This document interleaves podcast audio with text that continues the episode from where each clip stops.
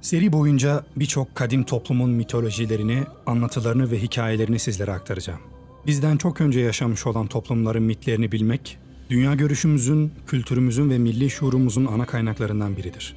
Size tavsiyem seri boyunca anlatılanları doğru veya yanlış kavramlarıyla değerlendirmeden, kendi inanç ve kültürünüzle karşılaştırmadan üçüncü bir gözle izlemenizdir. Ancak bu sayede seriden gerektiği gibi istifade edebilirsiniz. Bu şartları kabul ediyorsanız gelin benimle. Yunanlıların anlattıkları ve insanlar tarafından da sevilerek okunan mitosların yazarı Hesiodos ve Homeros'tur. Yunan mitolojisi kitaptan söze geçmiştir ve Ege kıyılarında Anadolu'da yaşayan Frigler, Hititler, Hurriler gibi eski halkların ortak malıdır aslında. Yunanlılar bu mitosları benimsemiş, özümsemiş ve sahiplenmişler. Ve böylece ortaya Yunan mitolojisi çıkmış. Homeros, Hesiodos, Esil ve diğer Yunanlı yazarlar bugün var olmayan halkların mitolojik hikayelerini kaleme alarak Yunanlılara armağan ettiler. Ama biz ne yazık ki bu konuda Yunanlılar kadar şanslı değiliz. Bizim mitolojimizin çok küçük bir kısmı kaleme alınabilmiş ve kaleme alınan kısmı da diğer bir takım uygarlıklardan ve toplumlardan etkilenilmiştir. Türk milletinin dinamik ve akılcı mitleri de söylene söylene zamanın derinliğinde kaybolmuş. Bu seride 19. yüzyıldan itibaren yazıya aktarılarak kurtarılabilmiş olan kısmını göreceğiz. Her ne kadar etnografik, sözlü ve tarihi veriler Türklerin tek tanrılı olduğunu gösterse de baba tanrı ile oğul tanrı arasındaki mücadeleden bahseden anlatılar da vardır. Baba tanrı ile oğul arasındaki mücadele Kafkaslara kadar gelmiş, Ingus, Çeçen, Avar ve Gürcü efsanelerinin konusu olmuştur. Bu baba oğul mitlerindeki tanrı ile oğul arasındaki tartışma babanın oğlunun gözlerini çıkarmasıyla sonuçlanır. Bütün bu mücadele Altay Türklerinde erlikle baba tanrı arasındaki zıtlığın sonucu olarak ortaya çıkmıştır. Erlik demişken videonun burasında Türk mitolojisindeki bu mitolojik figürleri tanıyalım ki seride adı geçince ne olduğunu bilmiş olalım. Kayrahan Altay Türklerine göre gökyüzündeki tanrının en büyüğü Kayrahan'dır. Kayrahan 17. katta oturur. Bütün tanrıların babasıdır ve oradan evrenin kaderini tayin eder. Kayrahan yeryüzünü yarattıktan sonra dokuz dallı bir çam diker ve 16. kata oğlu Ülgen'i oturtur. Kayrahan 9 kişinin bu dallardan türemesini, 9 ulusunda buradan meydana gelmesini ister. Ülgen Ülgen göğün 16. katında Altın Dağ'da ikamet eder ve altın bir taht üzerinde oturur. Tahtı ay ve güneşin ötesindedir. Ülgen gök cisimlerini yönetir, yağmur yağdırır, gök gürültüsü ve yıldırımları da o gönderir. Tanrı Ülgen biri ak, biri kara taşla gelerek ateşin nasıl yakılacağını insanlara öğretmiştir. Ülgen iyilik yapmayı sever. Ülgen'in kendisi kızları ve oğulları insan şeklindedir. Dünyayı taşımaları ve destek olmaları için üç tane balık yaratmıştır. Elindeki topuzu yaşam ağacının köklerine benzer ve öylesine dallı budaklıdır. Bildiğimiz güneş, ay ve yıldızlardan tüm gök nesnelerinden çok uzakta yaşar. Biri sağında ve diğeri solunda iki ak güneş bulunur. Bu gök nesnelerinin her biri kendisine ulaşmak isteyen şaman için bir engeldir. En güçlü şaman bile en fazla kutup yıldızlarına kadar ulaşabilir. Ak Ana Henüz hiçbir şey yaratılmamışken ve yalnızca uçsuz bucaksız bir su varken sonsuz sulardan çıkarak Tanrı Ülgen'e yaratma ilhamını vererek sulara tekrar dalmıştır. Işıktan bir bedeni vardır. Başında gücü simgeleyen ve taca benzeyen zarif boynuzları bulunur. Hayatın başlangıcına dair ne varsa hepsine ruh vererek yaşam döngüsünü başlatmıştır. Erlik Mitolojilerin temel ilkelerinden biri karşıtlıktır. Bu anlayışa göre kainattaki her şey zıddıyla vardır. İyi, kötü, doğru, yanlış, güzel, çirkin ve daha birçok zıt kavram birlikte bir uyum içinde varlığı meydana getirir ve kainatın işleyişinden sorumludur.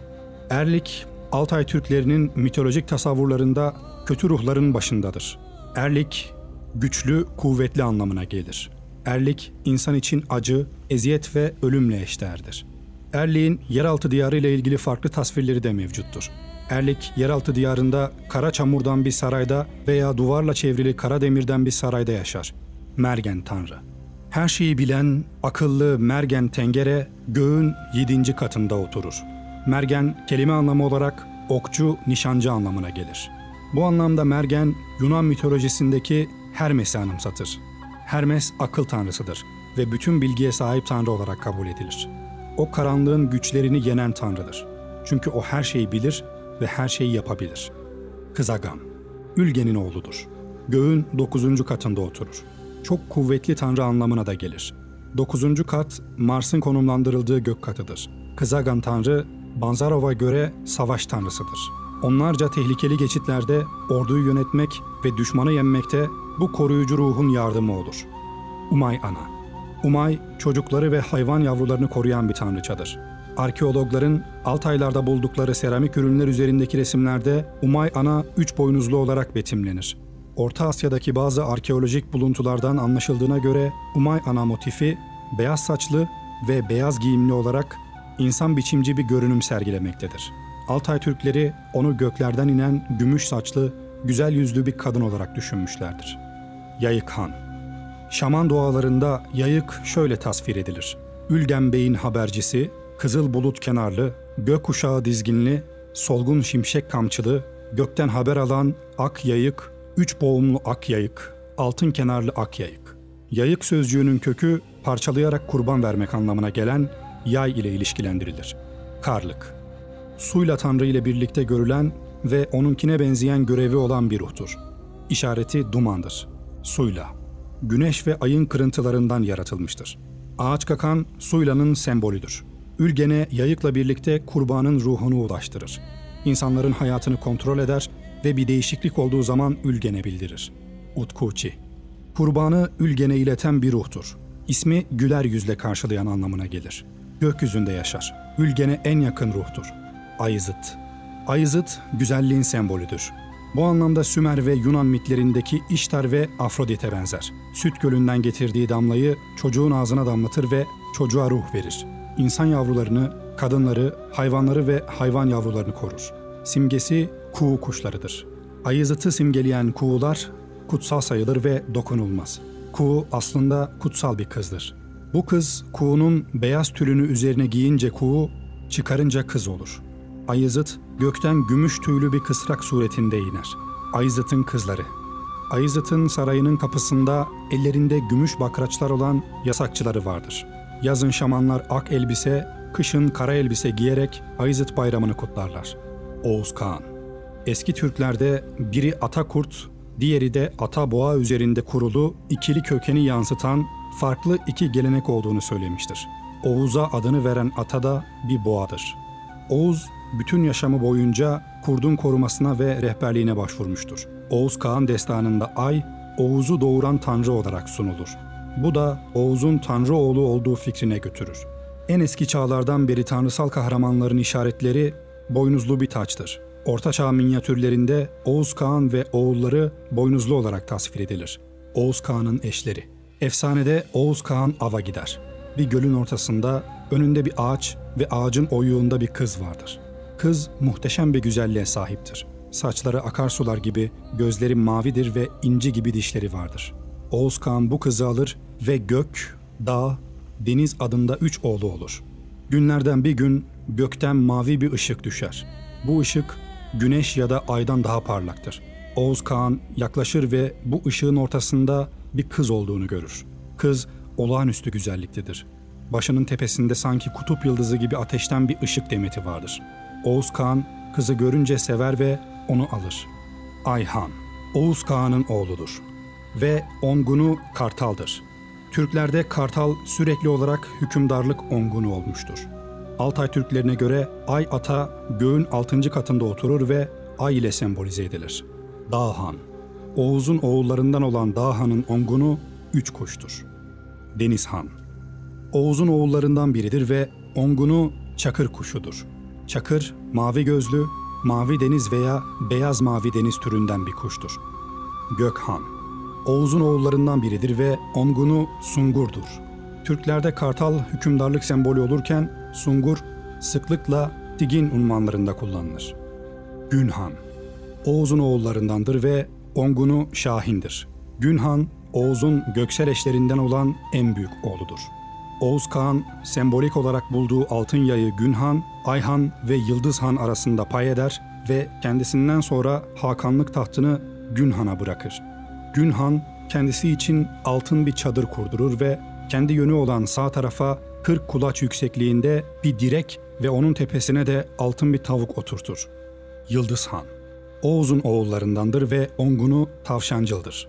Türklerde yıldız bilgisi çok önemlidir. Geceleri zamanı öğrenmek için yıldız bilgisi tek yol ve çaredir. Türklerin göğün ilk ve ana yıldızları olarak gördükleri gezegenler ilk tanrısal arketiplerdir. Yaratılışın başlangıcı ve temelidir. Ürünk Ayık Toyon Yakut Türklerine göre ilk insanı o yaratmıştır. Eski Türkçe'de ürünk, beyaz, ayık, yaratan, toyon, tanrı, efendi demektir. İnsanlara yaratıcı gücü ve çocukları o verir. Yerin ve toprağın verimli olmasını o sağlar. Hayvanların çoğalması ve bolluk onun sayesinde olur. Su iyesi. Su iyelerinin hepsi sularda yaşar. İnsanlara zarar vermezler. Onların yaşadıkları sarayın girişi nehirlerin derinliklerinde bir taşın altındadır. Kübey Hatun Altay Türklerine göre ağaç, Ulu Ana'nın yaşadığı ve kahramanlara memesinden süt verdiği yerdir. Yakut Türklerine göre doğum tanrıçası Kübey Hatun'du ve ağacın içindeydi. Kökünden hayat suyu akıyordu. Semrük Bürküt Yakutlar çift başlı kartala öksökö kuşu derler. Türkçe bürküt, kartal demektir. Bakır tırnaklıdır. Sağ kanadıyla güneşi, sol kanadıyla ayı kaplar. Ona gök kuşu da denir. Büyük kartallar için bürküt kelimesi kullanılır. Kartal ana. Yakut Türklerinin inanışlarına göre şamanlar yeryüzüne kartal ana tarafından getirilmişlerdir. Ertöştük destanında da kartal dişi olarak görünür. Kartal Yakutlara göre güneşin sembolüdür. Asena. Oğuz Kağan'a yol gösteren ve liderlik yapan kurt erkektir. Türeyiş destanındaki kurt ise dişi olarak gösterilmiştir. Göktürklerin kurttan türeyişiyle ilgili destan şöyledir. Göktürkler eski Hunların soylarından gelirler ve onların bir koludurlar. Kendileri ise Aşina adlı bir aileden türemişlerdir. Sonradan çoğalarak ayrı oymaklar halinde yaşamaya başladılar. Daha sonra Lin adını taşıyan bir ülke tarafından mağlup edildiler. Mağlubiyetten sonra Göktürkler soyca yok edildiler. Tamamen öldürülen Göktürkler içinde yalnızca 10 yaşında bir çocuk sağ kaldı. Lin memleketinin askerleri çocuğun çok küçük olduğunu görünce ona acıdılar ve öldürmediler. Çocuğun el ve ayaklarını keserek bir bataklığa bıraktılar. Bu sırada çocuğun etrafında bir dişi kurt peydah oldu ve çocuğu beslemeye başladı. Bir süre sonra kurt hamile kaldı ve bir mağaranın içinde 10 çocuk doğdu. Zamanla bu 10 çocuk büyüdü ve evlendi. Zamanla her birinden bir soy türedi. Göktürk Devleti'nin kurucularının geldikleri Aşina ailesi de bu 10 boydan biridir. Al karısı. Bazı edebi metinlerde çirkin, saçları dağınık, avurtları çökmüş, güçlü, kuvvetli ve uzun boylu olarak tasvir edilir.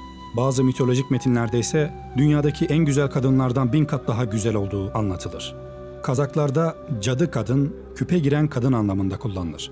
Lohusalara musallat olan bu kötü ruh, al karısı, albastı, albis, almis adlarıyla da anılır. Alp Ertunga Tonga, Kaşgarlı Mahmud'a göre leopar veya kaplan cinsinden bir hayvandır. Orta Asya kaplanları, Türklerin Bars dedikleri Pars cinsinden hayvanlardır. Uygur döneminde Alper Tonga'nın ve başka Türk beylerinin adı ve ünvanı olarak yırtıcı hayvanların isimleri kullanılırdı. Ve Alpler yırtıcı hayvan postu giymiş olarak resmedilirdi. Kaplan postu savaşa giren Alpler tarafından zırh yerine giyilirdi ve savaş sembolüydü. Ötüken, devleti ve hakimiyeti koruyan bir ilahedir. Cengiz Han Ötügen'e Ötügen anamız der. Ötügen, hayvanları ve toprakla ilgili tüm ürünleri koruyan bir tanrıçadır. Od Ana Yakut Türkleri ateş tanrıçasını ak saçlı bir kadın olarak görürler. Buryatlarsa kırmızılar giymiş yaşlı bir kadın olarak veya ateşin yalımıyla dalgalanan yeşil veya kırmızı ipekten kaftan giymiş bir kadın. Sigun Geyik Radloff, boynuzları iki kürekli sığın geyiğini Altay Türklerinin ululadıklarını ifade eder. Geyik boynuzları şamanların önemli sembollerindendir. Gökkurt Gökkurt ve ak geyik gökte doğmuşlardır. Kurt sürülerini idare eden kurtlara gök kurt, geyik sürülerini idare eden geyiklere gök geyik denir. Bazı Türk halkları soylarının kurttan, bazıları geyikten türediğini kabul eder. Gök kurt, Türk mitlerinde özel bir yere sahiptir.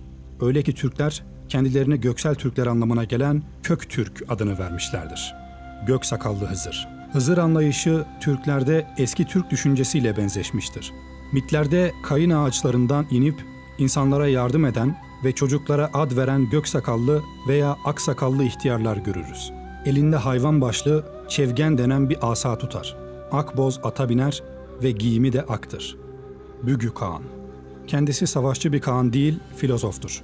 Bügü Kağan, Mani dinini Uygurların resmi dini olarak kabul etmiştir. Mani dinine mensup olanlar beyaz elbise giyerdi. Geyik tanrıça. Göktürklerle ilgili bir mitolojide Göktürklerin atalarından birinin bir mağarada ak geyik kılığına giren bir deniz tanrıçasıyla ilişkisi olduğu anlatılır. Göktürkler nesillerinin kurttan geldiğini söylemekle beraber efsanelerinde dişi geyik de oynar. Dişi geyik eski Hun anlatılarında yol göstericidir. Tepegöz. Tepegöz Kaf Dağı'nda yaşar, çoban ve peri kızının evliliğinden doğar. Annesi dişi bir ala geyiktir. Tepegöz başı gözü belirsiz bir biçimdedir. Tepegöz bazen dişi bazen erkektir. Tepegöz tek gözlüdür. Altay Türk destanlarında devlere yelbegen denir. Güneş ve ay tutulması devlerin yemesi olarak tanımlanır. Evet, birçok mitolojik figürü böylece tanımış olduk. Bir sonraki bölümde Türk mitolojisine kaldığımız yerden devam edeceğiz ve evren hakkındaki öykünün Türk mitolojisinde nasıl anlatıldığını inceleyeceğiz. Bir sonraki bölümde görüşmek üzere.